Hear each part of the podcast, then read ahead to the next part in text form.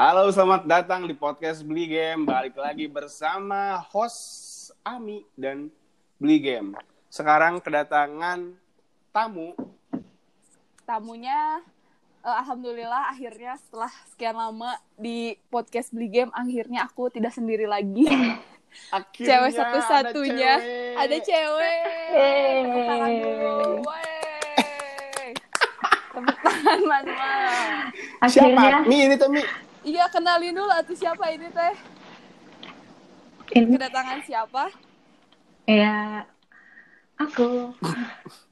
Ini adalah teman aku dari SMP Mega dari Oh. Mega juga temenan dari ya? SMP Iya kan nggak tapi kan kenalnya Iya. kalau kenal sama Mega mah kan karena suatu hal Mer. Kalau sama aku mah kan karena kita dulu satu si internasional itu. Ya. Si si sekolah. Sekolah internasional kan? Sekolah gimmick. gimmick sekolah betul gini. sekolah gimmick gimmick. Bed tapi emang aku sama si Umar sekelas kelas tiga ya. Apa? Iya, gimana Mer? tapi emang pas SMP tuh SBI kan RSBI kayak ada SBI. kayak ini. Enggak, yang SBI itu Umer SBI, kalau kalau aku RSBI eh gitu kan? enggak ah. Eh iya iya eh kita mirip mah gitu. reguler ya. emang gitu ya? nggak tahu Eh, ya pokoknya kita kayak Mega Mega pas SMP tuh gratis kan maksudnya nggak ada iurannya gitu kan Hah? iya nggak sih bayar. bos kan ih, enggak aja. Ih, enggak loh. Enggak tahu enggak. Kalau luar SBT RS kalau bukan SBI mana gratis. Bosnya tahu. Enak aja. Mega dulu kalau gratis kan ya. Bayar. Merda Mega mah ada Perusahaan jalur bayar khusus, jadi harus bayar. Oh, oh jalur ini ya Enggak. apa orang Yang dalam lain Orang Iya, dalam. biasa lah. Enggak kok, enggak coba deh. KBOG, Coba kira. KBG Enggak kok. bayar. dikira Seberapa. Cik? Enggak, ih. Baheula bayar berapa ya? Enggak, kita 100. mah kita mah kita 100. Enggak, enggak. Iya seratus Iya. tapi tuh haratis. iya Meg setauku tuh SBI doang yang bayar Iya, benar, benar. Iya gitu. iya, Si anjing. serius, enggak? Enggak. Orang gratis kalian mah. Enggak, jangan-jangan tuh yang lain gratis. Kamu doang yang bayar. Mega gak tahu itu gratis dibayar. Jadi Nah, pas jangan, pas Mega bayar SPP, bayar SPP sendirian. Tapi orang bahasa kelas tilu bayar kok. Bayar. Berarti Mega nggak Coba dikasih dicek tahu lagi, teman-teman yang lain. Iya gak? Ini harus ditanyakan kepada orang-orang lain sih. Iya so gara karena yang bayar cuma kita doang emang. Terus banyak banget nih bayarnya Anjing, tuh. Orang kayak bayar. Iya kan emang. Bayar, pokoknya kita tuh disuruh bayar iuran. Bay- bayarnya KTU kan, gigirin si kasirnya tuh di yang di pinggir balongnya tak kan? Iya. Iya benar ke situ. Eh, orangnya bayar dinya. Hmm. Ya, ya udahlah bayar kali. Bayar tapi mungkin lebih gak semahal SBI ya. Ya kali. Iyalah. Kan kita mah bayar AC, bayar Kali. karpet. Iya sih. Saya juga gak kerasa Bayar nih. AC. Emang sih AC kurang berguna itu ya. Pernah gak sih? Parah banget. Pokoknya tuh kayak, Kalian mah kursinya juga kan citos. Emang. dan banyak Tapi- rusak juga kan? Iya, yang miring-miring itu ya nggak sih mah mendingan kursi kayu sih ya sumpah. Terus di si lantainya tuh pakai kayak karpet gitu nih. Karpet biru apa mas? Iya, heeh, yang karpet kotor itu kan Mir, kita tuh sampai susah nyapuinnya. Sampai akhirnya kita kelas 3 dicopot kan tuh karpet karena tidak berguna juga. Kebanyakan Eh. tunggal. Emang. Make iya tuh, make sepatu tuh. Enggak, kalau pakai karpet. Enggak. Jadi Nyeker.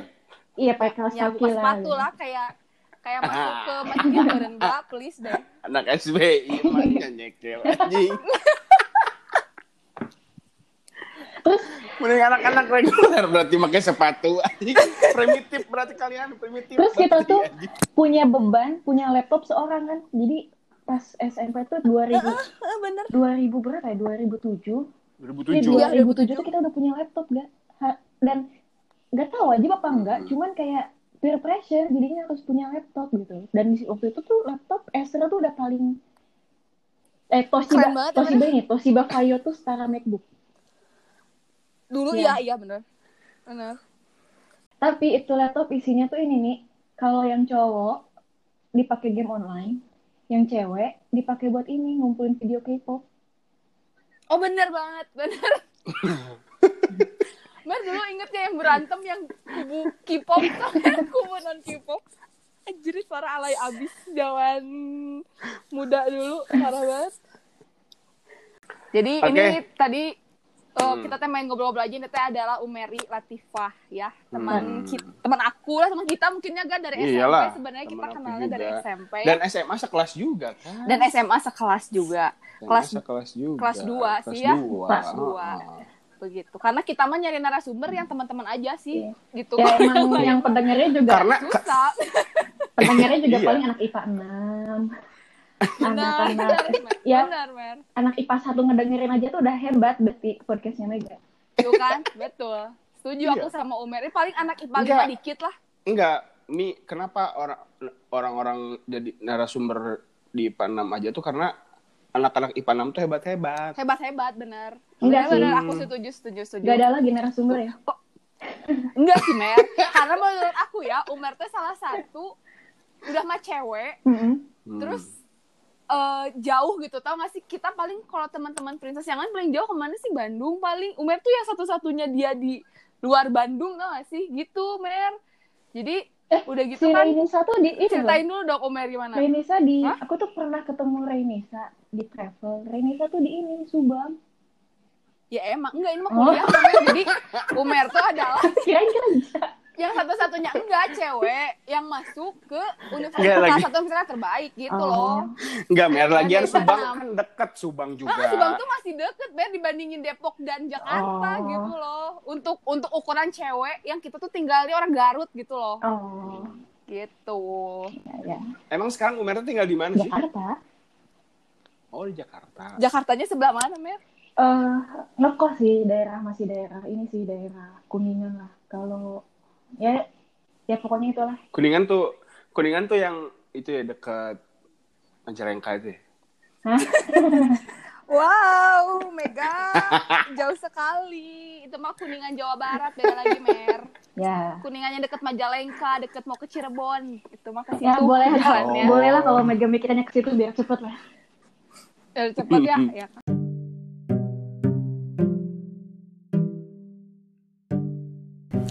Beli game, gimana sih caranya bikin podcast? Gampang banget. Sekarang kalau mau bikin podcast, pakai Anchor aja. Tinggal download di Play Store ataupun App Store. Gampang kok registrasinya. Cuman butuh email doang. Udah gitu, recordnya gampang pula. Jadi gak susah lah sekarang bikin podcast. Cobain ya. Ditunggu podcastnya. Ciao. Eh, sekarang tuh Umer kerja di mana sih kalau boleh tahu? Masa masa Ah. Ami nggak tahu? Loh, kan ini mah harus dikasih tahu atau aku nggak tahu Oh, atuh. iya. Kan kita Para pendengar. dari narasumber. Para pendengar harus tahu Para gitu ya. Kalau yang nggak kenal dong, sama Umer kan harus. Mm-mm. Eh, kan kuliahnya kan jurusan hukum nih. Nah, kan setahu aku mah ya ya hukum ya gitulah ya Mer ya. Nah, sekarang Umer tuh kerjanya di mana sih gitu? Aku sekarang kerja eh, lawyer, pengacara Mm-mm. di Oh. salah satu Mi Mi Apa? harus Hah? gini, harus gini. Oh, gitu. Oh dong. gitu. Tapi kan itu mah gak kayak kita kelihatan bodoh banget tau gak sih udah jelas dong ya apalagi kalau nggak lawyer ya nggak sih sebenarnya kan eh, orang-orang pasti mikir ke situ gitu. Ya, Terus kenapa Ami bertanya dong? Loh kan harus ditanyakan dulu karena tapi menuju tema yang akan kita bahas kita tuh harus tahu dulu Oh, Kan iya, iya. tidak untuk membahas ini gitu. kalau fakultas Emang hukum tuh emang emang fakultas hukum itu jadi apa aja selain lawyer? Nah, eh, Mer, selain lawyer, eh, banyak sih jadi hakim, jaksa, notaris, bisa juga jadi eh, apa namanya bagian legal staff atau bagian staff hukum di an atau bisa kerja di kementerian banyak sih di mana-mana. Kalau profesi Hmm. tapi sekolah eh tapi kelanjutannya beda ya, Mer. Misalnya kalau mau jadi lawyer ada tahapan yang beda, kalau jaksa beda gitu ya kalau nggak salah setahu aku mah begitu sih. eh kalau iya kalau misalnya jadi lawyer itu nanti ikutan ujiannya. Jadi ada Hmm. namanya ujian eh ada pendidikannya, pendidikan khusus profesi advokat PKPA. Nah itu tuh sih kayak cuman sebat kayak kayak apa ya? Kalau diri tuh kayak kursus gitu, kayak cuman sebulan. Tapi yang nyelenggarain tuh ada organisasi namanya eh, perhimpunan organisasi advokat itu kayak perhimpunan advokat Indonesia Pradi. Nah itu tuh kayak cuman Hmm. sebulan.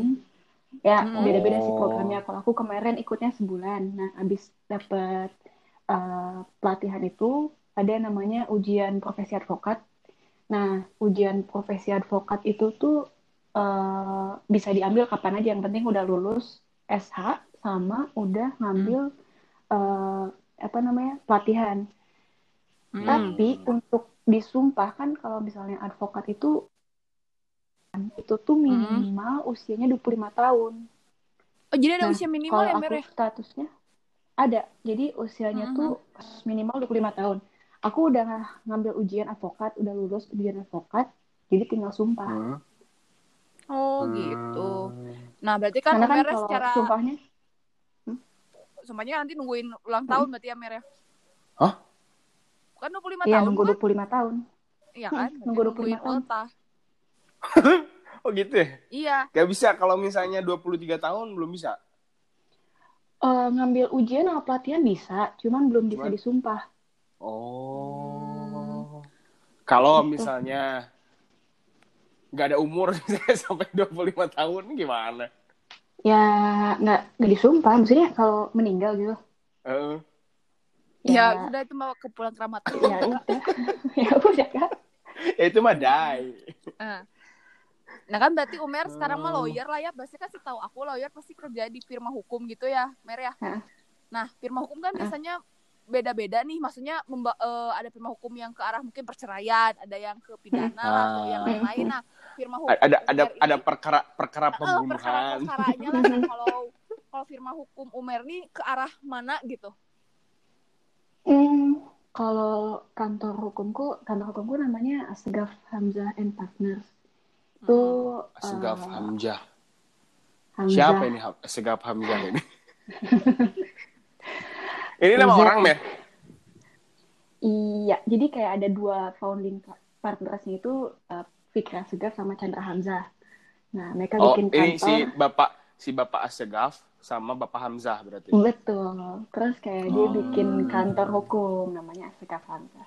Nah, kalau di kalau di kantorku itu hmm, banyak sih. Kita biasanya klien-kliennya tuh perusahaan-perusahaan. Ada Hmm. yang hukum perusahaan, misalnya hukum bisnis. Ada Hmm. juga yang litigasi, yang misalnya sidang. Ada juga kalau aku tuh Hmm. ada yang pajak, konsultan hukum kekayaan intelektual. Ada juga kalau misalnya aku tuh bagiannya hukum persaingan usaha. Oh, jadi lebih ke Persaingan kayak usaha. perusahaan-perusahaan gitu ya, Mer ya? Berarti bukan yang ke arah apa sih kayak nge- ngebela yang ya mungkin kan setahu aku mah ya dah aku orang Iya, awam gitu ya aku mah kan pidana aku mah gitu ya. aku mah taunya gitu Iya mer. Kan? kalau kalau lawyer teh yang membela yang apa yang bersalah gitu kan. Ya defender gitu kan kayak Itu- buat orang-orang awam seperti kita mah. Itu ya sih nah ini harus kayak nah ini nih nah ini nih yang Hah? harus diluruskan dari seorang lawyer nih. Apa bener kayak gitu mer kalau dari sisi lawyer itu sebenarnya bukan kayak gitu sih konsepnya. Lebih Hmm. ke arah misalnya Mega berantem sama Ami. Nah menurut Mega berantem belum Mi. Contoh ya lah contoh. Oi, misalnya contoh. Mega tuh punya pendapat A. Menurut Ami nggak Hmm. gitu nggak B gitu kan. Hmm. Hmm. nggak ada yang salah. Maksudnya bisa jadi Mega yang salah bisa jadi Ami yang salah bisa jadi dua-duanya tuh salah paham bisa jadi ada banyak kemungkinan gitu tapi kan Hmm. intinya masing-masing pihak tuh punya perspektif nah eh, kalau Ya. kita itu adalah kita tuh membantu untuk menyu- eh, membela klien kita dengan eh, menyuarakan klien kita loh yang sebenarnya punya eh, apa namanya perspektif yang lebih Ya. benar gitu kan Tapi. Hmm. eh, nggak otomatis itu membuat kita membela yang salah gitu. Tapi kalau misalnya hukum pidana yang dibela itu adalah bukan kesalahan. Kalau misalnya itu kan perspektif perdata. Kalau misalnya di pidana, misalnya eh, misalnya ada kasus-kasus apa ya? Misalnya, misalnya pencurian. kan ada kita tuh sebenarnya yang kita lakukan adalah kita bukan membenarkan tindakan dia mencuri, tapi lebih ke arah Hmm. kita membela hak dia di persidangan eh, untuk menyampaikan kenapa sih alasan-alasan dia mencuri misalnya. Terus eh, Hmm. kita juga membela supaya pendapat dia itu didengarkan oleh hakim. Jadi Ya. nggak Hmm. nggak terus gitu kan di Jangan jangan semena-mena Mm-mm. gitu ya. dan kita juga memperjuangkan supaya hukuman yang dia terima itu eh tidak serta nggak semena-mena juga maksudnya nggak nggak seberat itu maksudnya kan Ya, ya, ya. ada orang misalnya mencuri eh, ada orang misalnya mencuri eh, dua juta Mencuri ayam gitu kan, misalnya. atau misalnya mencuri ayam tapi kan dengan tindakan yang sama koruptor yang ada di DPR misalnya juga mencuri kan Hmm. nah Hmm. mungkin deliknya eh, eh, sorry perbuatannya itu sama-sama mencuri nah tapi Hmm. kan nggak adil kalau misalnya dihukum dengan satu hukuman yang Sama sama, gitu gitu, ya. kan. Hmm, bener-bener, Nah. bener sih. Makanya kita tuh mencoba untuk memperjuangkan hak-haknya. Nggak bisa loh untuk hal-hal kayak gini men- me- apa namanya menyamaratakan tindakannya dan menyamaratakan eh, hukuman yang dikasih sama hakim ke si ini kayak gitu. Jadi kita membela hak tapi bukan berarti membela yang salah. Mem- Membenarkan, membenarkan ya. Iya Oh iya benar-benar. Karena kan biasanya di masyarakat mah pola apa ya pikirannya tuh Iya. mer ya ngebayangin pokoknya ya ah lawyer mah kerjaan yang gitu gininya yang ah pokoknya mah Iya. salah bener dia belain aja Mm-mm, itu kan mm-mm. biasanya di masyarakat mah gitu. Enggak sih. Sebenarnya itu yang perlu diluruskan juga. Makanya kayak orang-orang tuh kalau ngeliat lawyer tuh kayak kriminal gitu kan. Oh, kan, eh, karena Umer adalah kriminal. Iya, Dari, SM dari, kriminal. dari SMA emang kriminal, Mer, kamu tuh. Iya. sih? Iya. Ya boleh lah. Nah, ini mah menyambung kepada tema gitu ya. Heeh. Sebenarnya eh, menjadikan Umer narasumber di Beli Game ini kan Hmm. eh, tadi udah Umer ceritanya Umer udah kerja di firma hukum di salah satu firma hukum di Jakarta lah ya, Mer ya. Hmm. Terus kan Umer juga salah satu menurut aku cewek, temen aku cewek nih ya yang aku yang aku kenal, yang lain mah ya nggak- aku nggak kenal kenal Hmm. banget lah ya. Yang kuliahnya di daerah Jabodetabek lah ya, Mer, di mana pergaulan udah pasti beda banget gitu antara Jawa Barat dengan eh, DKI Jakarta lah gitu ya. Kirain Jawa Barat sama Bogor. Dong, Bogor kan masih Jawa Barat. Jawa Barat dan DKI Jakarta kan. Nah, menurut Umer nih, apa sih Hmm. perbedaan yang Umer rasakan ya selama Umer jadi warga masyarakat Garut lah ya, remaja Hmm. Garut gitu, dengan waktu Hmm. Umer jadi warga DKI lah gitu. Dari Hmm. perga- dari mungkin pergaulannya, dari cara apa ya, ya, ya cara, Cara sih, ya, berpikir. cara bersosialisasi, Hmm. cara berpikir gitu. Eh, sebenarnya kalau disebut gaul waktu di Garut juga jarang gaul sih jadi kayak apa ya bingung juga jelasin di Garut juga kayaknya di rumah terus gitu kan ya di Jakarta Ah. juga di kosan terus Heeh. enggak sih Nah, Mi, Mi, Hah? Mi, Hmm. ganti narasumber, Mi. Ini nggak bisa ini. nggak bisa ya nggak nggak nemu ya nemu. ya ya coba cari anak nggak dapet ternyata poinnya Ya, cuman yang yang ngebedain adalah eh, di Jakarta tuh lebih beragam aja orang-orangnya jadi Iya sih ya. ya pasti sih Karena semua karena orang kan- di situ kan karena orang datang dari penjuru daerah Mm. gitu kan, ada yang dari Jawa, ada yang dari Padang, dari Tapi, mana pun. kan. ah. tapi Jadi macam-macam. di ini ini yang kalau yang paling signifikan ya kerasa kalau di Jakarta Hmm? itu kan kayak terus 24 jam hidup gitu kan kotanya jadi kayak eh, Oh iya. Jadi, nggak pernah sepi dan nggak pernah apa namanya istilah nggak pernah tidur tapi kalau di Garut itu aku ngerasa jam 8. jam dong. 8 itu kayak udah ada pemadaman dari PLN sepanjang jalan tuh gelap Iya banget sih. kayak iya ya kan iya iya jam 7 tuh udah nggak ada kegiatan kayak udah nggak ada kegiatan terus udah gitu ya Hmm. jarang ada tempat hiburan juga kan ada sih aku nggak tahu sih ada atau Iya. nggak sih cuman ya kalau di Jakarta ya itu sih yang paling kentara kelihatan terus kalau dari sisi pergaulan Hmm. aku tuh ngerasa bahwa kalau misalnya eh, orang tuh ngelihat Jakarta tuh eh, pergaulannya bebas terus udah gitu Hmm. eh, party goers eh, kayak eh, club malam misalnya kan terus ya kayak gitu Hmm. tapi ya eh, nggak semua orang Jakarta pergaulannya kayak gitu. Banyak juga kok pergaulan-pergaulan yang biasa aja gitu. Tapi ya emang dicitrakan Ya. orang-orang di daerah seperti itu. Makanya implikasinya orang tua tuh agak banyak yang khawatir ketika ngirim ketika ngelepas anaknya ke kota Jakarta Apalagi cewek ya. apalagi cewek karena takutnya kayak uh, Hmm. terjun ke pergaulan bebas padahal di Garut juga kayaknya Iya. sama-sama aja sih ada-ada ada Iya aja sih. kayak gitu Ya sebenarnya eh, eh, eh. cuman Iya. sebenarnya menurut aku ya Mer kalau pergaulan bebas di Jakarta tuh lebih ngotak tau gak sih maksudnya dia, dia tuh ada ilmunya gitu kalau kita mah kurang jadi eh sorry tuh saya gitu kayak yang hamil dua nikah tuh lebih banyak coba deh perhatiin karena kekurangnya Iya. Ngotaknya tuh kurang gitu kalau Berarti ka- kalau di Jakarta mah kan sih. pada pakai pengaman gitu ya. nah gitu kayaknya Mega itu sih kalau menurut aku ya itu mah menurut observasi sendiri uh, Oke. sotoy uh, Hmm. iya nggak tahu Iya kan? Ya nggak tahu. Nggak tahu kalau tapi yang kelepasan juga banyak juga sih ya nggak cuman yang paling eh, apa namanya eh kalau pergaulan di Garut tuh aku ngerasanya sebenarnya orang Garut tuh rata-rata baik-baik sih dan kalau misalnya yang nakal-nakal tuh kalau misalnya emang mereka suka pergaulan yang lebih eh, metropolitan gitu mereka biasanya kan nggak nggak di Garut kan biasanya biasanya mereka main ke Bandung Hmm. langsung jadi kalau misalnya nggak apple to apple untuk ngebandingin Garut sama Jakarta karena beda budayanya sih dan cenderung tapi yang aku suka Hmm. adalah dari orang Jakarta karena mereka mayoritasnya orang-orang pendatang rata-rata Mm.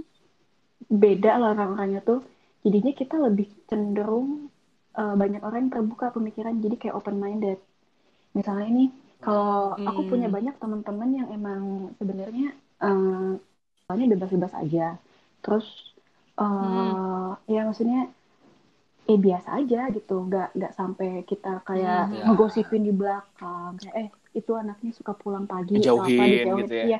tapi kalau misalnya kayak gitu ada di Garut pasti udah jadi bahan omongan tetangga sih benar benar itu karena kejulidan orang kita mah emang hebat banget dan Kayak si Ami Julid ya. eh enggak aku mah nggak julid emang sih gue suka ngosipin orang sih tapi kayak kagak julid juga sih mungkin Mungkin. tapi itu sih Mer benar kalau misalnya memang ke suatu ya misalnya kan Jakarta mah kos pusat lah ya pusat segalanya lah pusat ekonomi pusat bisnis dan pusat lain-lain. Jadi dengan banyaknya orang jadi otomatis pemikiran mereka teh ya, ya terbuka karena kan udah ketemu dengan berbagai macam orang gitu. Lebih yang beda-beda. Tapi ya kan? Gar- Garut bakal bisa nggak kayak gitu? mungkin kalau dalam waktu yang dekat nggak sih Gak, menurutku. Tapi mungkin kalau misalnya Garut semakin banyak semakin maju terus semakin banyak berinteraksi sama orang-orang yang di luar Garut mungkin bisa jadi kayak kayak gitu misalnya orang Mega kan di Bali kan coba deh bedain orang Bali sama orang Garut biasanya orang-orang yang eh, apa namanya daerahnya yang multikultur banyak misalnya banyak Mhm. budaya yang beda-beda dalam satu daerah Ya, ya. biasanya mereka cenderung untuk lebih open mind. Kalau di Garut tuh Iya. menurutku Lebih toleran lebih ya. toleran gitu kan. Sekarang kalau misalnya Iya ya kan? sih. Kalau di Iya, Bali iya, iya, misalnya iya benar benar benar. benar. ada orang misalnya pakai baju yang cukup terbuka ya biasa aja gitu. Paling kalau misalnya Iya iya iya. eh, baru ditegur tuh kalau misalnya pakai pakaian terbukanya tuh masuk ke tempat ibadah gitu kan. Tapi kalau misalnya di jalan mungkin Iya. biasa aja. Kalau misalnya Iya benar kalau di Jakarta juga kayak gitu sama dan kalau misalnya di Garut yang kayak Hmm. gitu biasanya agak kurang sih kurang apa namanya benar tapi bukan iya aku setuju banget maksudnya pasti orang-orang nggak bisa mau lanjut ya orang tuh pasti langsung kayak negur lah terus kayak eh, bukan berarti aku harus buka- bukan berarti kalau misalnya berpakaian eh, yang ter- Terbuka gitu ya. itu misalnya Benar. benar gitu ya eh, nggak boleh atau boleh nggak boleh gitu Iya. cuman kan Mhm. tiap Mhm. orang tuh tiap daerah tuh punya budaya yang beda-beda jadinya kalau di Garut tuh cenderung satu satu ini sih satu norma gitu makanya tuh kayak Iya. terus nggak boleh lah ya Karena karena itu haram. tadi nggak multikultur gitu kan. tapi bahayanya adalah ini kalau misalnya udah orangnya agak biasanya kalau misalnya yang kurang terbuka pemikirannya dia cenderung untuk gak menerima pendapat orang lain dan merasa pendapatnya paling Ah. benar Oh, iya Ya kan? jelas itu mah jelas banget biasanya tuh Hmm. Kokolot begok ini namanya. dan itu Kalau tuh bahasa Sunda mah. Iya kok kalau bagong. Heeh. terus kayak gampang ini gak gampang dihasut Terus gampang percaya gampang terbawa emosi jadi Heeh. nggak difikirkan terlebih dahulu gitu jadi tingkat toleransinya tuh agak itu bisa ngaruh ke tingkat toleransinya orang-orang di daerah sih Tapi bener sih, true story. Aku mah ngalamin sendiri, Mer. Karena aku kan orangnya udah bodo amat. Maksudnya orang mau pakai baju apa juga selagi memang pada tempatnya bener kata Umer ya. Maksudnya kalau ke tempat ibadah ya sopan lah gitu ya. Ini kan ini mah biasa aja gitu. Aku sih tuh bajunya biasa aja gitu ya. Terus dulu tuh eh, itu atasan aku yang dulu tuh ya orang Jakarta gitu kan. Maksudnya dia dari Jakarta terus pindahlah ke Garut karena ikut suami kan. Bajunya dia emang agak kalau untuk standar Garut mah nggak masuk lah gitu ya. Jadi Oh. kultur shock untuk orang Garut gitu. Tapi menurut aku mah sopan, mah sopan. Cuman eh, mungkin buat sebagian orang sampai ada yang bilang gini, bener banget di depan aku ngomongnya gini. Ih, kok pakai bajunya gitu ya? Kan ini kayak rumah sakit gitu, harus yang lebih rapi dong. Aku tuh mikir gini ya, kayaknya biasa aja deh. Menurut aku tuh biasa aja ya. Karena mungkin ya ya biasa aja gitu. So, toh dia juga pakai baju sesuai office Hmm. gitu gimana ya? Cuman kayak agak ngejreng yang gak Garut banget ya, tidak sesuai standar Garut lah Ya. gitu. Terus aku jadi heran ini. Emang standar Garut gimana, orang-orang Pi? gitu. ini ya aku Di kerudung kerudung kan, bajunya pada panjang. jilbabnya tuh kayak gitu. segi empat yang ya ya kayak gitu lah ya nggak sih rata-rata Gitu gak? Soalnya itu emang gak di kerudung kebetulan ya. Hmm. Terus pakai bajunya ah tapi rapi sih kalau menurut aku mah ya sopan gitu ya Hmm. memang karena tidak Hmm. panjang aja gitu loh. Nggak yang kayak gamis lah Iya. atau Tapi sebenarnya yang pakai gamis, gitu pakai kerudung gitu ya nggak salah juga kan ya. ya emang nggak Iya salah, tapi kan maksud aku tuh jangan menjadikan Yang yang salahnya dengan- itu sebenarnya judgementnya itu ya.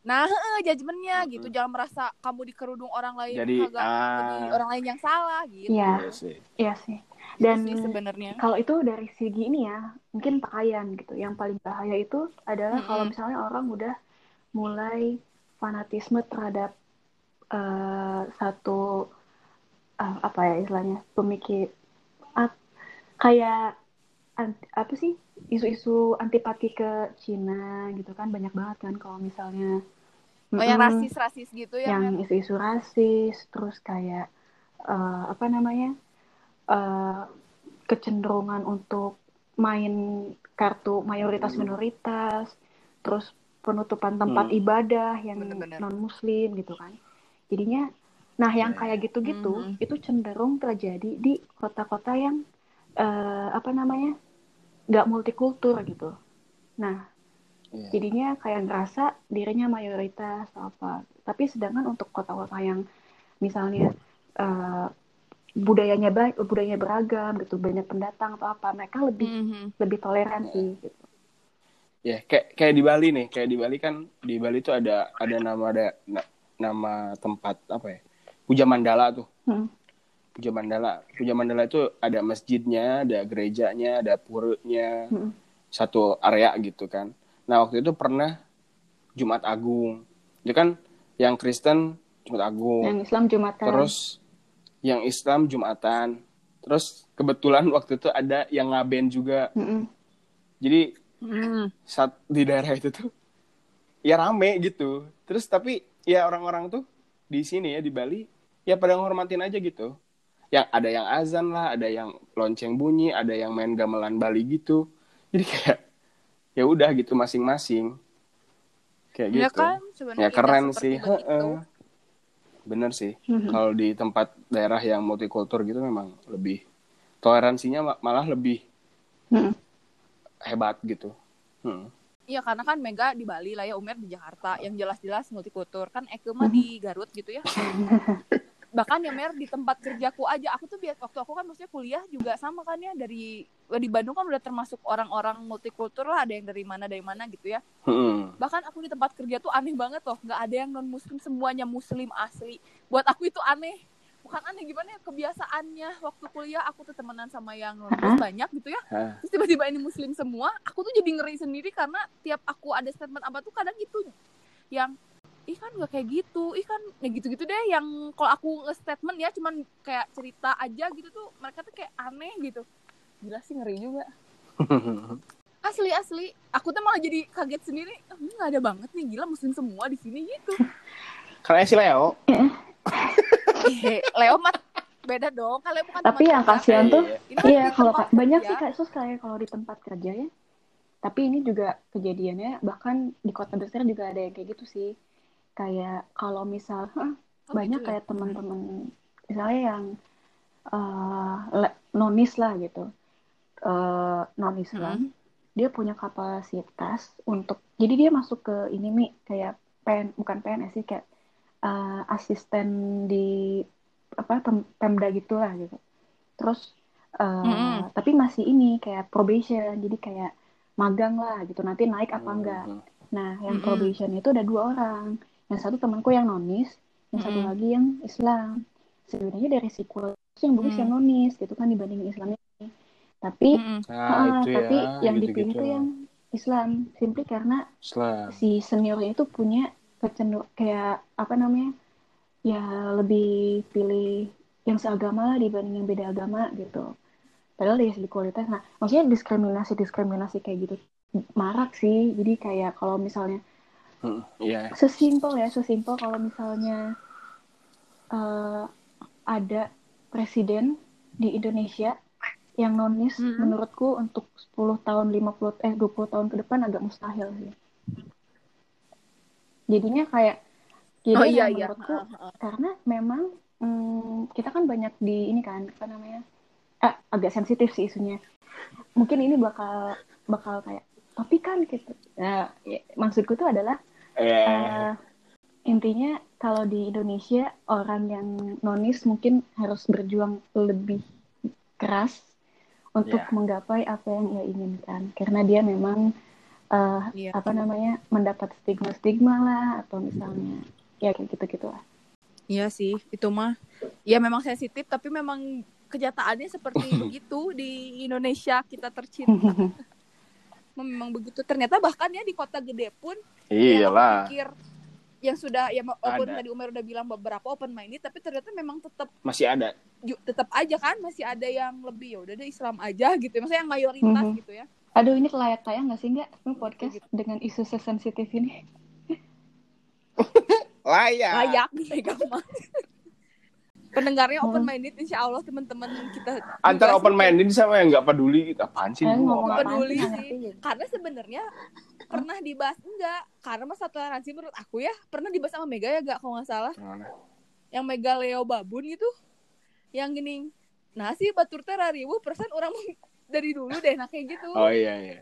yang pernah ya Pernah, pernah, pernah. sama Mega Itu- karena emang aku juga ini orang-orang kenapa sih kayaknya aku juga dari dulu biasa aja deh nah gitu Heeh. gitu biasalah ya isu-isu Iya, politik Bahkan kayak yang udah kalau misalnya udah ngomongin soal agama ya, agak pusing sih kayak ngelihat Hmm.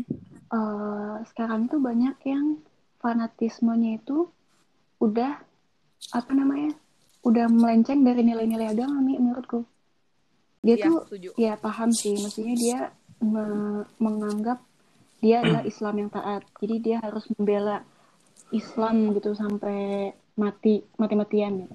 Tapi cara dia membelanya Hmm. tuh salah banget, caranya kayak dia ngata-ngatain yang non Islam, terus kayak terus yang paling sebel adalah hal-hal kayak gitu justru banyak banget dari ini nih ustadz-ustadz. Jadi banyak banget Hmm, hmm. jadi kayak sekarang tuh aku mikir kalau misalnya baik kalau misalnya dengar ceramah itu harus dilihat ustadznya punya background Mhm. keagamaan nggak gitu banyak banget kayak ustadz-ustadz yang nggak tahu backgroundnya dari mana terus kayak berkoar-koar Iya. sok-sok bawa hadis tapi Iya. salah nafsirnya gitu ya kalau misalnya kita kan kalau Islam tuh harusnya agama yang paling damai kan Hmm. tapi kayak banyak yang kayak Ya. Hmm. eh, perangi misalnya umat non muslim gitu. Kan konteksnya nggak kayak gitu ya peranginnya kayak jadinya kayak nggak dilihat asbabun nuzul Iya, ayat itu gimana keluarnya. Jadi kalau misalnya kalau perintah mem- misalnya membela eh, kalau misalnya nih kita membela agama Islam gitu semua harus berdasarkan Quran dan Sunnah gitu. Ya perintah membunuh juga ada dalam Al-Quran Hmm. menurutku gitu. tapi kan konteksnya nggak kayak gitu gitu kan Iya bukan harus tiba-tiba kita yang non muslim gitu nggak ya. kayak gitu dianggap Itu senggol bacok gue yang mau senggol bacok. ya sih nggak bacok makanya itu bahayanya ini kan bahayanya orang nggak paham orang yang nggak masyarakat nggak paham nih terus dia ngedengerin orang Hmm. yang seolah-olah dia mengatasnamakan diri dia itu ustadz. Nah kan sebenarnya untuk di untuk dapat gelar ustadz gimana caranya? Nggak ada yang tahu kan? Nggak ada pendidikan ustadz. Iya sih. nggak ada fakultas Mm, khusus benar, ustadz. benar. Nanti kalau tiap orangnya jadi profesinya ustadz, Benar, kita harus lulus dari fakultas itu nggak ada. Maksudnya aku bisa hijrah besok, tiba-tiba pakai cadar, terus masuk masjid, terus bilang, iya ceramah, Ceramah, gitu, ya. kayak Umairi gitu, ustazah. Kan bisa jadi orang-orang kayak gitu. Ustazah. Terus kayak, iya, terus tayangin di YouTube. gitu. Nah, orang-orang tuh banyak yang kayak gitu, Mi. Udah satu, dia nggak paham. Dia Hmm. nontonnya juga Hmm. uh, ustadz-ustadz yang nggak kredibel gitu nggak tahu asal usulnya dari mana gitu pendidikannya nggak jelas main asal uh, nyebut-nyebut Hmm. ayat gak dilihat asbabun eh kayak asal turunnya ayatnya itu kayak gimana gitu konteksnya kayak gimana relevan gak sama kondisi sekarang Hmm. gitu makanya Hmm. nah itu kalau misalnya hal-hal kayak gitu tuh banyaknya adalah di di Jakarta juga banyak sih orang kayak gitu di Jakarta aja udah banyak imagine kalau misalnya daerah yang Apalagi kayak gitu Iya, apalagi yang heeh, kan yang menurutku tuh gila. perbedaannya Hmm. adalah kalau di Jakarta kalau misalnya bedain di Garut sama Jakarta Jakarta tuh yang kayak gitu banyak tapi yang open minded juga lebih banyak jadi kayak kita perantaraan gitu kalau Garut biasanya lebih satu suara Hmm. Mm-mm. Oh iya, iya, iya, tentu saja. terus kadang suka wah, Iya dong, rempuk sauyunan, rukang gesan mata nang, nah, itu lagu rempuk jokung mulu Garut Nanjung. Yuk, ayo semuanya nyanyi. nyanyi, kedon nyanyi si apalagi Agam. kalau udah dicampurin sama politik gitu kan ah udahlah udah udah paling malas Ayo, Udah itu mah wow. seru banget itu. Begitu mah. di- Itu memang salah satu yang selalu Nah, aku tunggu-tunggu. broadcast broadcast hoax gitu kan di WhatsApp nah, udah uh Iya. udah gitu yang Iya, baca heeh. Eh, apa namanya orang-orang yang lebih tua gitu kayak wah Iya. ini paling bener nih gitu Di grup kan. keluarga. Langsung kan. Di grup keluarga Bahkan gitu kan. podcast kita kalau rilis di WA keluarga mah kita di blacklist dari satu keluarga, yakin. terus kayak kayak mau kayak mau klarifikasi takut dosa gitu kan kayak malang ke orang tua gitu Iya. tapi ya nggak diklarifikasi benar kok sebel banget gitu kan. Iya, gitu. Dilema ya. yang Jauh, gitu. Dilema, dilema anak muda, dilema anak muda sekarang emang gitu. Selain percintaan ya. Hmm. Tapi ternyata aku membawa tema ini kan tadinya kirain ada perbedaan jauh gitu ya antara ya kita daerah gitu Hmm. ya Mer ya. Garut lah gitu daerah dengan Jakarta yang pusat segala rupa lah gitu ya di Indonesia. Ternyata ya tetap aja ya ada secara pikiran mah ya sama-sama aja ada kita sama-sama masih masyarakat Indonesia ya ya. Iya. Maksudnya ada-ada aja gitu. Nggak nggak se- sejauh itu. Aku pikir kan jauh Mhm. banget gitu Mer. Karena kan ya sebagai putra daerah yang melihat Jakarta itu seperti orang tua ya aku nanti gimana gimana gitu. Oh bakal ini bakal itu. Ternyata kan Umer sudah mengambil sendiri dan ya Umer biasa aja gitu. Tidak terjadi apa-apa sama Umer di Jakarta gitu Iya. yang dikhawatirkannya kan ternyata tidak juga iya gitu. sih. Oke. Ngomongin soal Jakarta, nah sekarang mah aku pengen ngomongin Hmm. Garut nih. Sama kalian. Apakah Garut bisa menjadi kota yang kita maju inginkan? yang kita inginkan tuh kayak gimana ya apa yang aku inginin belum tentu sama sama dia Iya sih. mungkin lebih maju lah Mer jadi kota maju kita bisa mengalahkan Tasik bener ya sorry banget kalau ada pendengarnya Mega yang orang Tasik karena saya sebagai Garut Emang orang Garut Tasik tuh lebih bagus sih? gitu loh. Enggak sebenarnya kalau secara keindahan alam dan lain-lainnya suasana itu tuh enggak aku tuh bisa ngunggulin Garut gitu. Tapi kalau secara tata kota Hmm, ya. secara administrasinya maksudnya kayak bayangkan coba gak kita ya harusnya ah, terutama aku sih kalau mau perpanjang paspor tuh harus ke Tasik. Walaupun sekarang udah online bisa di mana saja tapi terdekat Kenapa nggak ke Bandung, kan daripada Bandung gitu loh. Oh. Penuh mer. Di Bandung tuh bisa nunggu sampai sebulan dua bulan kalau di Tasik waktu itu aku Tapi cuma Tasik dua tuh minggu kota ya sekarang? gitu udah bisa. Ada kok Kan Tasik tuh Dua. ada kota Madya. ada kota Madya Oh, sama kabupaten. Eh nggak Kota Tasik sama kabupaten. sudah terlihat kan dari yang itu apa sih sebutannya? Kalau ada kabupaten kota Madya itu tuh apa ya istilahnya? Administrasi negara tuh apa ya? Aku bisa salah ya pokoknya dari segi itunya aja tuh mereka udah lebih Iya. maju gitu loh gak gitu Mhm. gitu loh Mer jadi maksud pertanyaan Mega mungkin bisa lebih maju dibanding kota lain Garutnya Gini- mungkin gak sih gini deh. Gitu. Yang harus dibenerin benahi yang harus dibenerin apa dulu deh? Um, hmm. Menurut kalian? Mer dulu lah sebagai narasumber. Kalau aku sih, kalau aku ya, let's say aku jadi bupati gitu kan. Hal yang Hmm. pertama kali aku benerin tuh adalah Nah, bupati Umer. Umer for satu. Garut iya. satu. Oh, Umer Garut satu. satu. Kalau misalnya aku, Bupati satu. Bupati satu mah berarti mah ada bupati 50 Mer. yang paling pertama tuh ini sih, akses jalan, infrastruktur, tata kota, tuh Hmm. benerin dulu, rapiin dulu. Terus udah gitu, Hmm. investasi, coba digali potensinya apa yang bisa dikembangkan, cari investor, Mm-mm. terus eh, apa namanya diharapkan kalau misalnya ada yang buka investasi di Garut buka pabrik kan penyerapan daya kerjanya jadi lebih tinggi kan masyarakat jadi Mm. lebih banyak Mm-mm. pendapatan gitu terus diharapkan juga Mm, dari mm, mm. pajak misalnya kan bisa dibangun eh, infrastruktur terus kayak kerjasama sama swasta gimana cara ngebangunnya skemanya mungkin bisa pakai skema kerjasama pemerintah swasta terus ya apa namanya Mm.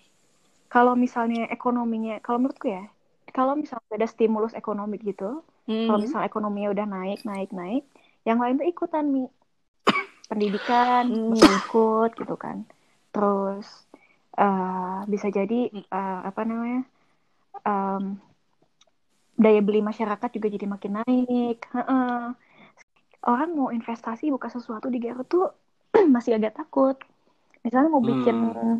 Ya. ada mau franchise gitu kan di Garut apalah belum tentu itu laku Mm. misalnya di Jakarta laku nih ada apa gitu ya belum tentu Mm. belum tentu di Garut Bener-bener laku, itu mah bener banget sih. Mm. Di daya Garut beli laku, masyarakat ah. bisa jadi Mhm. rendah gitu Beda ya. sekarang kita tuh Mm. daerah Garut tuh agak nanggung sih jadi Oke. kalau orang yang kalau misalnya kita buka Mm. uh, pusat perbelanjaan gitu kalau misalnya pusat perbelanjaan orang-orang tuh Mm. kalau yang kaya cenderung gengsi ke Garut belinya mendingan ke Bandung langsung Nah, itu sih yang mengubah mindset Nah. itu loh Mer. Iya bener-bener. Iya sih benar namanya benar banget sih mendingan Umer. ke Bandung kalau Iya. misalnya nah Iya itu yang dong. kayak yang ke bawah yang di bawah dia nggak bisa beli tuh Be- nggak bisa beli di situ Kasihan Jadinya- banget ya. jadinya. Jadi Kasihan ya, banget sih Garut. sekarang kelihatan kan misalnya kita punya mall oke lah Garut Plaza itu Mm. misalnya nggak saya Mal Garut Garut. mah Mal Pertama kan- Garut dong. Mal Garut. Garut Plaza eh, kalau Garut Plaza mah nggak usah dihitung lah ya kalau Garut Plaza kan emang apa Oh GP, GP, GP. Tapi kan itu kan yang paling pertama. Oh, yang Plaza. kalau itu Garut kan Plaza yang paling pertama ada ada yang tahu. nggak sih? nah terus Iya, emang. itu kan eh, targetnya adalah buat yang bawah Emang itu masuk Enggak, itu yang bawah kan. Misalnya itu marketnya untuk yang ekonominya Hmm. menengah ke bawah lah. Untuk yang atas, nggak akan pernah ada yang Ah. mau ke situ belanja. Mendingan gak belanja ke situ kan, mendingan ke mana Iya gitu. sih. Kan dikasih. Ramayana gitu. Paling ny- nyasarnya menengah gitu, menengah ke bawah juga. Yang ke atas masih gak mau tuh masuk ke Ramayana. Mm. Terus kalau misalnya ditambah IBC, IBC juga Hmm. sebenarnya itu ruko sih, jadi nggak usah dihitung. Eh, apa namanya? Mm-mm. dikasih mall apa gitu. Aku nggak tahu apakah ada mall Garut, baru di Garut. Bisa jadi Hmm. dia nggak bisa laku, nggak bisa berkembang karena memang daya beli masyarakat tuh Iya. eh, Nggak bisa bersaing juga ya. sekuat. Buka ini deh kalau misalnya Hmm. Buka H&M di Garut belum tentu laku. Nggak akan laku Mer, aku karena yakin. memang masyarakatnya Mm-mm. ekonominya belum sekuat itu. Nah menurutku tuh kayak eh, Hmm. harus ini sih ekonomi masyarakat. Maksudnya kenapa investor tuh gak mau masuk ke Garut satu Mm. eh, akses ke Garutnya juga Hmm. susah misalnya kan Garut tuh kalau misalnya mau Hmm. investasi pabrik Ah. jauh ke mana-mana gitu misalnya ke Jakarta jauh ke Jawa juga nanggung nah gimana caranya nih supaya akses ke Garut tuh jadi akses ke mana-mana jadi lebih dekat misalnya minta kan kalau misalnya dari Jakarta ke Garut kan mau dibikin jalan tol tuh Mm. Nah, itu peluang banget kalau misalnya Jakarta ke Garut tuh Hmm, mau ya. dibikin jalan tol harapannya Cigatas itu ya, Cigatas. harapannya adalah Loh iya, tol Cigatas namanya. Emang iya? Iya. Lah, Cileunyi Garut tapi nanti itu masuknya teh. ke mana sih Tarogong ya sih. masuknya itu Hah? Enggak, itu tuh turunnya tuh kalau nggak salah ya, dulu tuh pernah denger di, Ah. di leles. Ya kalau misalnya ya lumayan Ah, Nami, maksudnya jauh tapi ya. jadinya Jakarta ke Lumayan Garut lah itu sih. punya akses jalan yang baru, terus jadinya lebih ini kan, jadi lebih cepet lah gitu. Harapannya adalah kalau misalnya dibikin jalan baru kayak gitu, itu tuh distribusi barang jadi lebih cepat. Oh itu bener Nah, sih. Aduh, distribusi Mel, barang jadi lebih cepat. itu. Iya, iya. Eh, sekarang ada apa namanya kereta api gitu, orang ke, ke Garut jadi lebih gampang gitu kan. Bisa jadi distribusi barang juga membantu. Mm-mm. Terus eh, harapannya sih dibikin juga kalau misalnya nanti kan kalau Jakarta Garut udah ada, misalnya nanti dibikin nanti kalau misalnya visible Mm-mm. untuk jalan tol misalnya ke daerah Jawa atau ke daerah agak-agak ke timur lah gitu kan. Nah, kalau misalnya aksesnya ke Garut tuh jadi lebih gampang, lebih cepat, orang-orang kan jadi mikir, wah bisa nih kita bikin pabrik di Garut, pabrik apa kayak gitu. Misalnya dibikin daerah kawasan industri atau apa.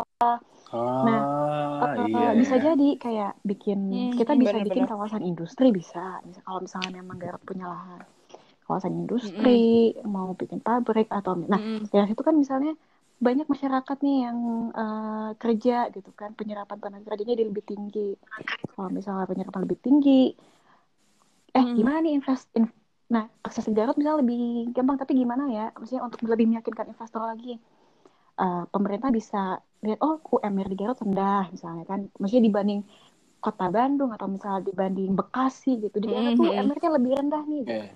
pasti kan tertarik Hmm. Oh, invest jauh investornya dong, gitu terus udah gitu biasanya UMR Hmm. tuh investor tuh UMR mikirnya ketiga perizinan nah Hmm. gimana caranya nih perizinan itu di Garut supaya tidak belibet nah menurutku perizinan tuh nah Nah, Kebanyakannya. Sih. biasanya orang-orang tuh agak malas kalau misalnya oke lah perizinannya kita musim izin A, izin B, izin C. Kita harus dapat tiga-tiganya. Tapi yang menjadi Hmm. masalah adalah banyak banget pungli-pungli. Itu yang sebenarnya mesti diberantas. Nah, gimana Hmm. cara Nah itu berantasnya? betul. Sekarang kalau misalnya uh, apa namanya? Nah, itu itu teknis udah pemerintahan ya gitu. Apakah mau didigitalisasi ataukah Iya. penegakan hukum gitu kan. Sekarang kan kalau misalnya di Indonesia itu kalau secara umum mau Mm-mm. bikin usaha, misalnya pelaku usaha nih mau buka usaha di Indonesia tuh udah bisa lewat online nih. Mm. Gimana kalau misalnya sekarang Hmm. udah bisa lewat online, terus ini apa namanya? eh, kalau misalnya dikasih Mm-mm. jangka waktu sekarang pemerintah, nah kan orang pelaku usaha juga malas kan kalau misalnya buka izin di Indonesia, terus iya kita udah daftar, tapi lama banget Hmm. prosesnya gitu, nggak proses-proses. Nah, kalau sekarang tuh udah ada aturannya maksimal Iya, dalam jangka iya. waktu Mm. sekian. Kalau misalnya pemerintahnya tuh nggak ngasih eh, nggak ngasih ditolak apa diterima, nggak ngasih si apa namanya informasi kayak gitu, keputusan Mm-mm. itu otomatis diterima. Informasi. mm. Jadi emang harus di ini, Oh, harus di gitu, gitu. harus Iya, iya, iya, harus gitu. gerak gitu supaya nggak langsung otomatis terima kan kayak gitu jadinya ada dikasih jangka waktu ya pokoknya Mm-mm, mm-mm, mm-mm. satu tadi akses dua UMR tiga juga dari perizinan terus eh, apa namanya Mm-mm. tapi ya sebagai pemerintah yang baik juga harus bisa mensosialisasikan keluarganya karena kan nanti gimana caranya supaya nggak diganggu ormas, nggak diganggu LSM, nggak diganggu preman itu juga kan menghambat juga kan. Nah itu Nah, kan itu butuh sih, pendekatan-pendekatan yang Mm-mm, eh, mm-mm. apa namanya eh, ke masyarakatnya langsung kan. Nah kalau di Garut tuh menurutku kayaknya masih bisa sih Mm-mm. pendekatan secara baik-baik gitu. Nggak ada pasti ada di daerah Jakarta tuh pendekatannya ada yang ngomong ke ngomong secara baik-baik, ada juga pendekatan yang emang turunin polisi di ditangkap tangkepin misalnya preman-premannya.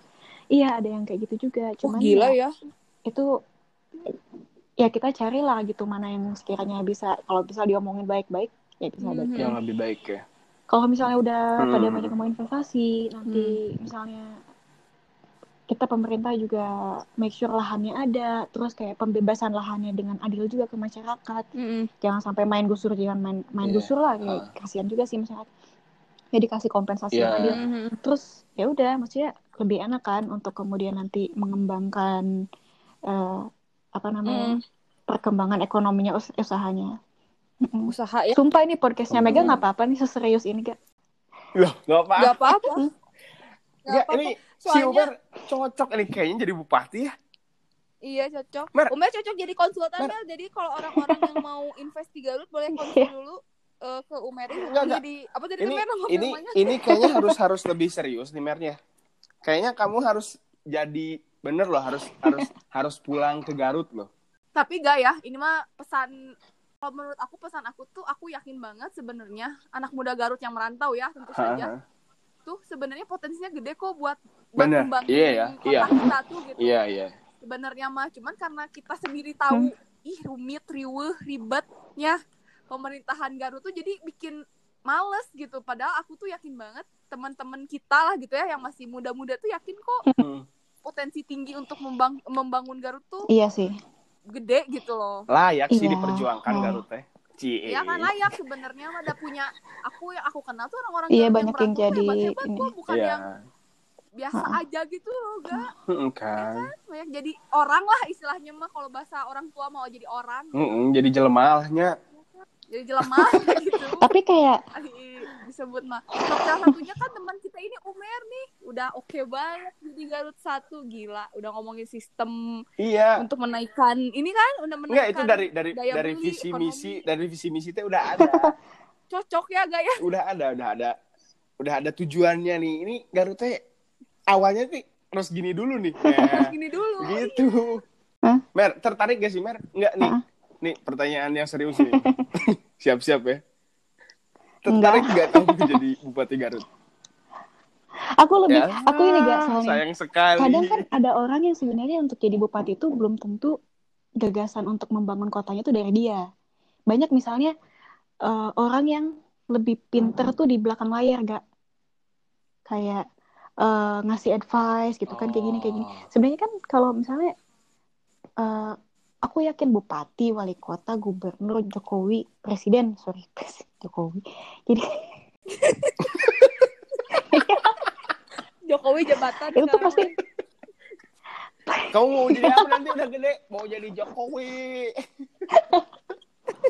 Nggak. Anak-anak sekarang mau udah Ya, kayak gitu maksudnya, sih. itu pasti punya timnya Jadi kan. Jokowi. Nah, kalau eh, aku sih lebih mikir Ya. iyalah jadi Tapi Hmm. be- berarti berarti Umer siap dong kalau jadi jadi kayak tim sukses lah ya kalau istilah ini mah ya. Kalau istilah tenang Mer kampanyenya tim, mah ya. tim pem- timnya mah ada Mega Enggak. Yang yang majunya yang Garut. yang yang majunya saya lah, nggak apa-apa. Oh bener sih gak? Iya iya karena biasanya anak buahnya lebih pintar daripada Kurang ajar si Bener anjing. banget. Hah? Bener ini mah fakta gak? Si anjing. Anak buah tuh lebih pintar Itu kan daripada kan- atasan jangan salah. Berarti Anda ya maksudnya untuk jadi pemimpin Itu, tuh apa? menurutku agak berat sih karena Gimana, kan emang tanggung jawabnya gede kan. Terus aku mikir kayak dan modalnya Iya juga sih. masih gede gitu. Jadinya aku lebih suka yang di belakang layar terus Hmm. kayak ngebisikin gitu mending kayak gini deh pak gini gini, gini.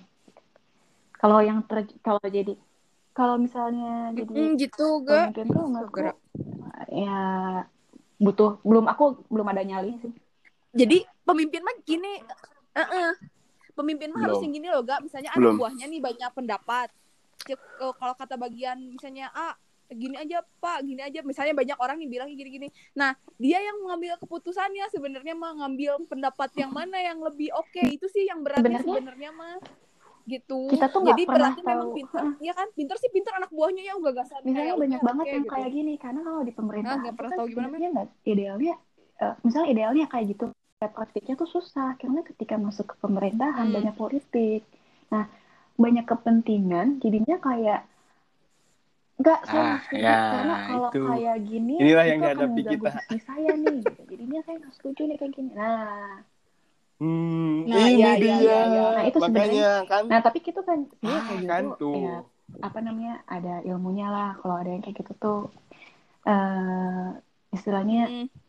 gimana kita taktik untuk negosiasi atau misalnya untuk ngambil kebijakan itu kan sebenarnya ada ilmunya kan itu yang Hmm. sebenarnya aku nggak tahu apakah di Garut tuh Hmm.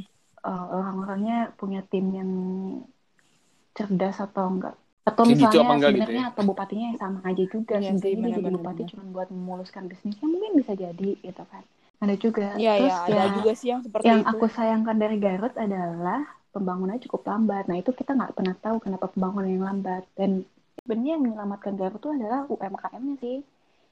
Jadi eh, sebenarnya dari segi Hmm. investasi kita nggak begitu Hmm. banyak. Paling cuman eh, kalau misalnya di daerah aja tuh Indonesia Power, PLN, Star Energy kan, Chevron udah cabut.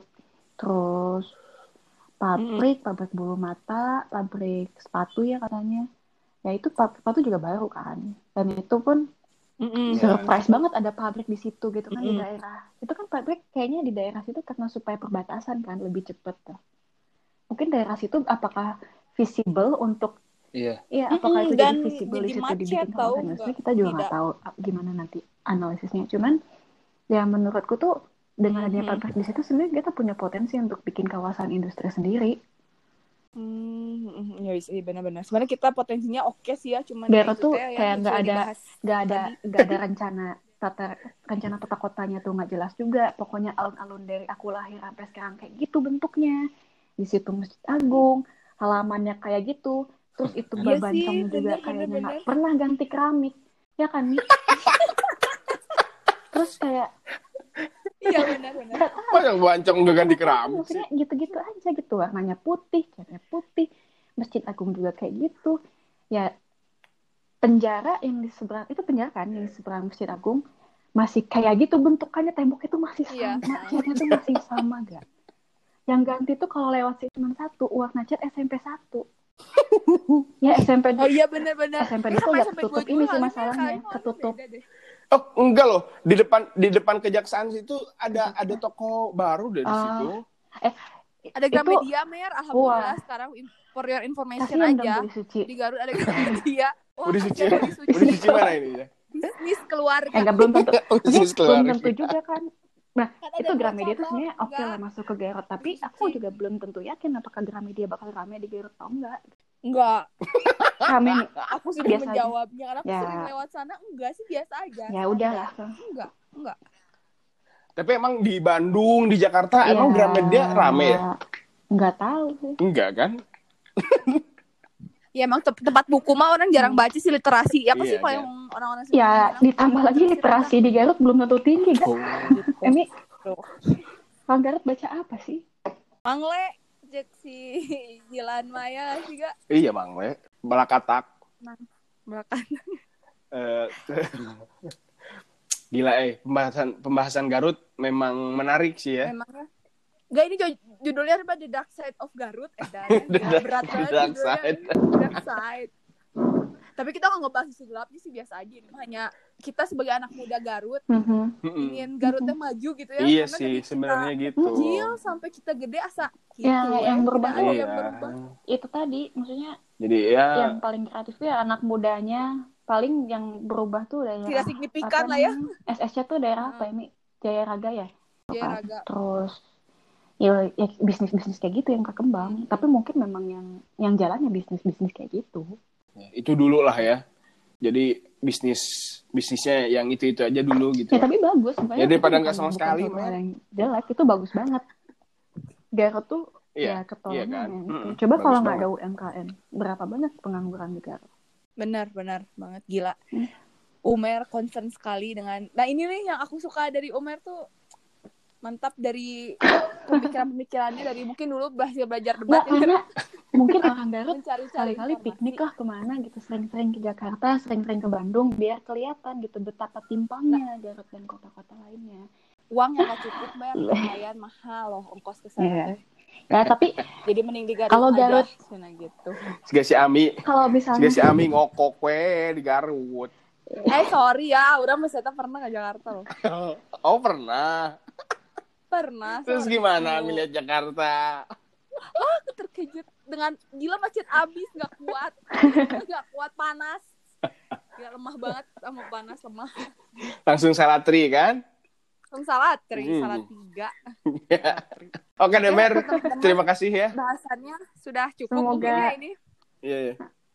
Jadi eh, Terima kasih, udah inilah eh, sekarang mah. untuk Umer. Udah tahu lah nanti ya 10 tahun 15 Iya, tahun nanti jadi lagi siapa yang ya, harus dipilih ya untuk jadi Bupati Garut. hmm, kelamaan Iya oh, dong. benar, Gila. siap Umer siap Siap dong. aku siap di belakang layar untuk Umer lah Ya, aku tunggu Mer, kamu udah dikasih di Garut. Eh, visi misinya sudah tercatat Gila. dalam lubuk hati. Semoga semoga atau kalau bisa misalnya memajukan kalau Garut. misalnya ada orang yang mendengar podcast ini terus jadi kepikiran iya ya mau dipakai visi misinya silahkan iya, ambil. nah, iya bener. Gak Ambil. apa-apa. Itu- gak apa-apa. Bener bagus nggak apa-apa. Iya, Iya. Cuma berharap ini yang mendengar Ya juga. adalah Bener anak-anak sih, si Garut yang Umer. lagi merantau terus jadi ya juga ya. Kayaknya kita harus majuin Garut semoga Bener Atau sih. misalnya Bener Iya, sih si Umer. orang-orang yang di Garut juga Iya, kalau bener. Oh, misalnya iya, si Umer ini Garut gimana ya cara ngembanginnya supaya lebih sukses gitu, lebih maju. Terus ngedenger podcast ini bener juga. Terus kayaknya dia mau tercerahkan. Kalau mau konsultasi lebih lanjut, cerahkan gitu ya Mer ya ya hubungin via Amin. Instagram, Silakan hubungi. Twitter. Instagramnya. Kalau untuk mau investasi, Iya. mau mulai investasi di Garut untuk ko- berkonsultasi. Pertanyaan pertama gratis, saja. pertanyaan selanjutnya di- Bayar. Oke, thank you Ditung- untuk obrolan ditunggu podcast kali ini. selanjutnya. Sangat berfaedah. Sangat berbeda sekali. Ciao.